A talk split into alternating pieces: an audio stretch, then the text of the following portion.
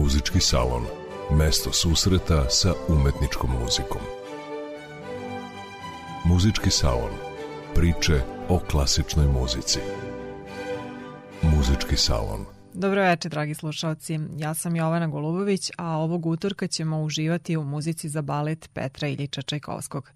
Naslovi za koje smo svi čuli, Labudovo jezero, Uspavana lepotica i Krcko Oraščić, nisu samo deo repertoara svih velikih baletskih kuća, već su i kao svite za simfonijski orkestar našli svoje mesto i na koncertnim podijumima. Čajkovski u istoriji svetske muzike ostavio značajan trag u simfonijskim, koncertantnim, kamernim i klavirskim žanrovima na polju solo pesme i opere, a sve do danas je ostao i najpoznatiji kompozitor klasičnog baleta. Ono što ga je izdvojilo među drugim umetnicima koji su se okušali u toj vrsti muzičko-scenskog ostvarenja jesu bogatstvo ritmike, gipkost melodije i elementi simfonijske pantomime postignuti pažljivim odabirom instrumenta. Za razliku od opera u kojima ocrtava stvarne sukobe i zbivanja, Čajkovski u baletima stavlja naglasak na fantastiku, bajke i legende i nastavlja razvoj romantičarskog baleta koji su negovali francuski kompozitori. Muzika proslavljenog ruskog umetnika je živopisna i dočarava fantastičnu scensku radnju svojim sredstvima. Čekovski je obnovio neke vrste igara dajući im svežinu kroz bogatu ritmiku i pronalaženje specifičnih oblika igračkih pokreta koji su uslovljeni scenskim zadacima. Bio je prvi kompozitor koji je od baleta napravio integralnu formu i uzdigao ga na nivo simfonijske muzike.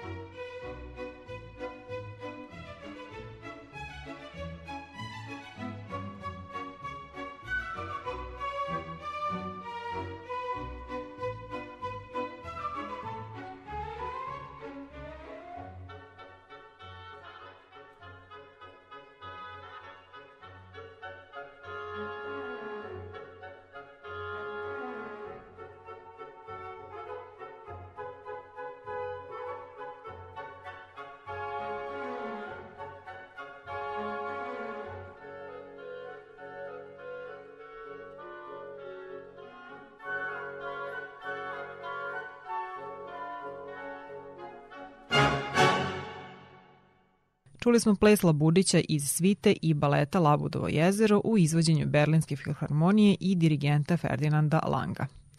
Labudovo jezero je prvi balet Petra Ilića Čajkovskog nastao 1876. a premijerno izveden godinu dana kasnije u Moskovskom Bolšoj teatru. Balet u četiri čina, prema libretu koji je sačinio direktor carskih pozorišta u Moskvi Vladimir Petrović Begičev, priča je o lepoj odeti koju je zli čarovnjak pretvorio u labuda i koju drži zarobljenu na obali divljeg jezera sa ostalim devojkama koje je pretvorio u labudove. Inspiracija je bila priča Ukradeni veo nemačkog pisa Johana Karla Augusta Muzeusa iz 18. veka.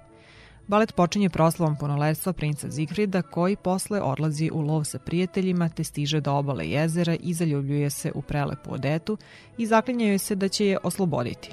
Ali samo iskrena ljubav može osloboditi devojke od mračne magije. Čarobnjak princu Zigfridu postavlja zamku dovodeći mu svoju čerku Odiliju koja neverovatno liči na Odetu i princ tek kasnije shvata da je u zabludi. Odeta ovo doživljava kao izdaju, princ je moli za oproštaj i nakon borbe sa čarobnjakom zlečini nestaju, a dvoje zaljubljenih ostaju zajedno. Muzičke numere iz Labudovog jezera veoma su prepoznatljive, a najpoznatija je Labudova tema koja se provlači kroz delo nekoliko puta. Njom počinje svita za orkestar, a večeras je slušamo u izvođenju Berlinske filharmonije kojom je dirigovao Mstislav Rostropović.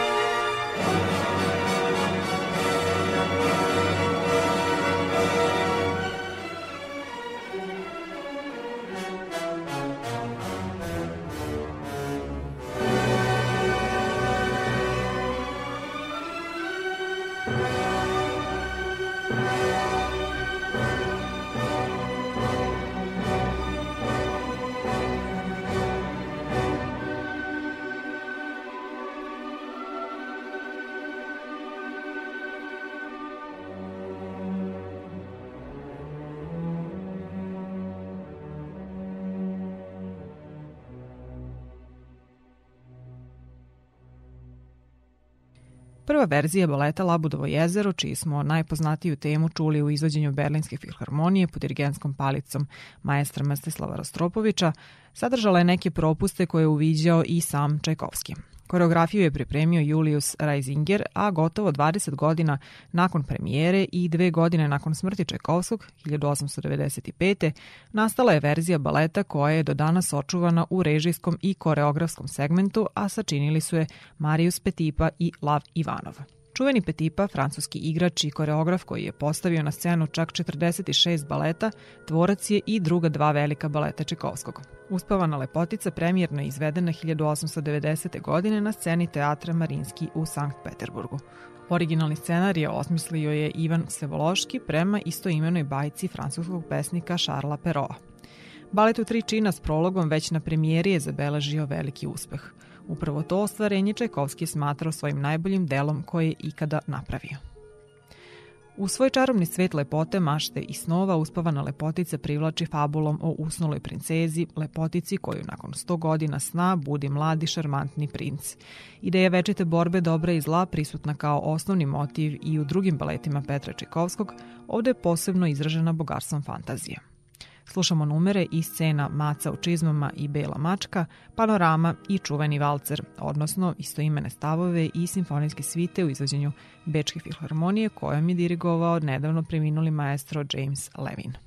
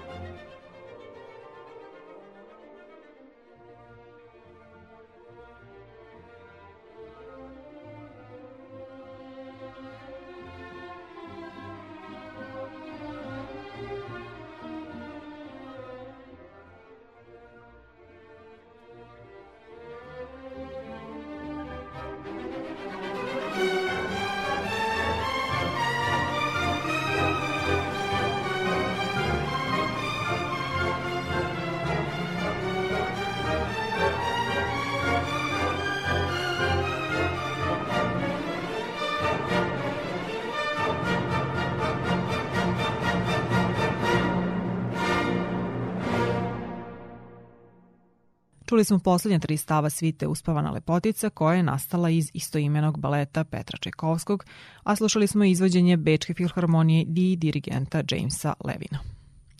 Nakon velikog uspeha koji je imala originalna produkcija Uspavane lepotice, Ivan Vsevološki, inače i tadašnji direktor teatra Marinski, poručio je Čekovskom da komponuje još dva dela koje je planirao da premijerno budu izvedena iste večeri. Tako je premijera baleta Krsko Oraščić u dva čina bila izvedena iste večeri kad jednočina lirska opera Jolanta u Teatru Marinski 1892. godine. Poslednje veliko baletsko ostvarenje Čajkovskog zasnovano je na priči Krcko Oraščić i kralj Miš Ernsta Teodora Hoffmana. Koreografiju su osmislili Marius Petipa i Lev Ivanov, a za razliku od uspešne premijere Uspavane lepotice, originalna produkcija Krcka Oraščića nije naišla na dobar prijem javnosti. Kritičari su komentarisali slabu realizaciju koreografije i nedoslednost libreta u odnosu na Hoffmanovu bajku – Porodica Štalbaum i njihova deca, Klara i Fritz, priređuju u svojoj kući proslavu Božića. Usred slavlja zabavu prekida iznenadni dolaza gospodina Drosselmejera. Kao i obično, on oduševljava goste divnim poklonima i čarobnim igračkama. Drosselmejer okuplja decu i pomoću lutaka u prirodnoj veličini priča im bajku o Krtsku Oraščiću i Vili Šećera. U dalekoj zemlji po imenu Kraljevstvo Slatkiša živeli su zgorni princ Krcko Oraščić i Vila Šećera. Njih dvoje su bili veoma zaljubljeni jedno u drugoj i s nestrpljenjem su iščekivali dan kada će se venčati. U oči dana njihovog venčanja kraljicu Miševa Ratildu obuzme ljubomora jer ona nije bila ni lepa ni zaljubljena. Ratilda je iz inata pokušala da ukrade lepotu Vili Šećera, ali ju je princ Krcko Oraščić sprečio – Ljuta na princa, Ratilda baci na njega zle čini i pretvori ga u ružnog drvenog krcka Oraščića. Nakon Drosselmerove priče sva deca se vraćaju na zabavu osim Klare. Ona pita Drosselmera da li bi nekako mogla da pomogne princu Krcku Oraščiću, a on joj odgovara da može ako je spremna da prođe kroz velika iskušenja i daje joj lutku Krcka Oraščića. Klari nestašni mlađi brat, ljubomoran zbog pažnje koja je posvećena njegovoj sestri, slama lutku. Pošto te večeri nije mogla da zaspi, Klara oko ponoći silazi da proveri da li je njena lutka tamo, ali iznenadi grupa velikih miševa. Miševi napadaju Klaru i u trenutku kada je ona spremna da žrtvuje svoj život zbog Krcka Oraščića, pojavljuje se Drosselmeyer. Zadivljen Klarinom hrabrošću, on je uči kako da koristi čaroliju. Potom nestane jednako brzo kao što se pojavio i Klara se suočava sa sledećim iskušenjem. U trenutku kada se kralj Miševa spremao da porazi Krcka Orašića, Klara prikupi svu svoju snagu i hrabrost i savlada podlog glodara.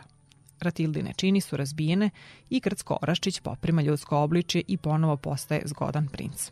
Večno zahvalan Klari, Krcko Oraščić je vodi da joj pokaže neverovatno kraljevstvo slatkiša. Drosselmer priprema kraljevstvo slatkiša za Klarinu posetu i nestaje pre nego što ona stigne. Princ Krcko Oraščić upoznaje Klaru sa vilom šećera, kraljem i kraljicom počinje ceremonija venčanja tokom koje igrači izvode niz plesova. Slušamo upravo te igre, špansku, istočnjačku, kinesku i rusku, trepak, a na kraju i ples Vila šećera. Izvode ih Londonska kraljevska filharmonija predvođena dirigentom Donom Jacksonom.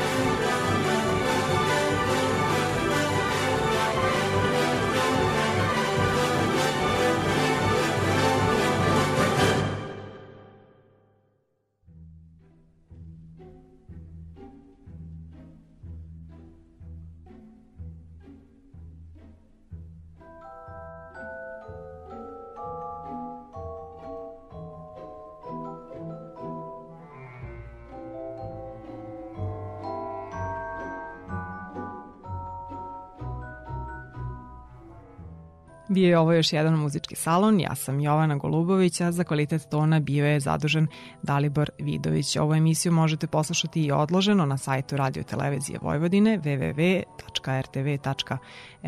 i mi vas pozdravljamo do narednog slušanja.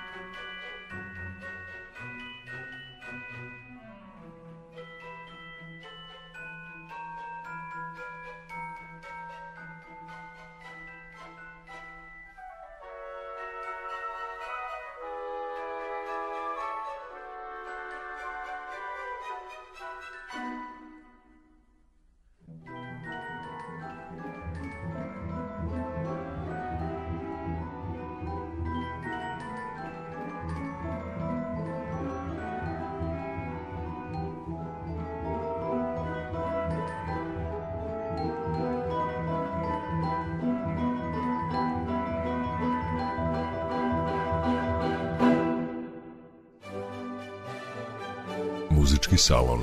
Mesto susreta sa umetničkom muzikom. Muzički salon. Priče o klasičnoj muzici. Muzički salon.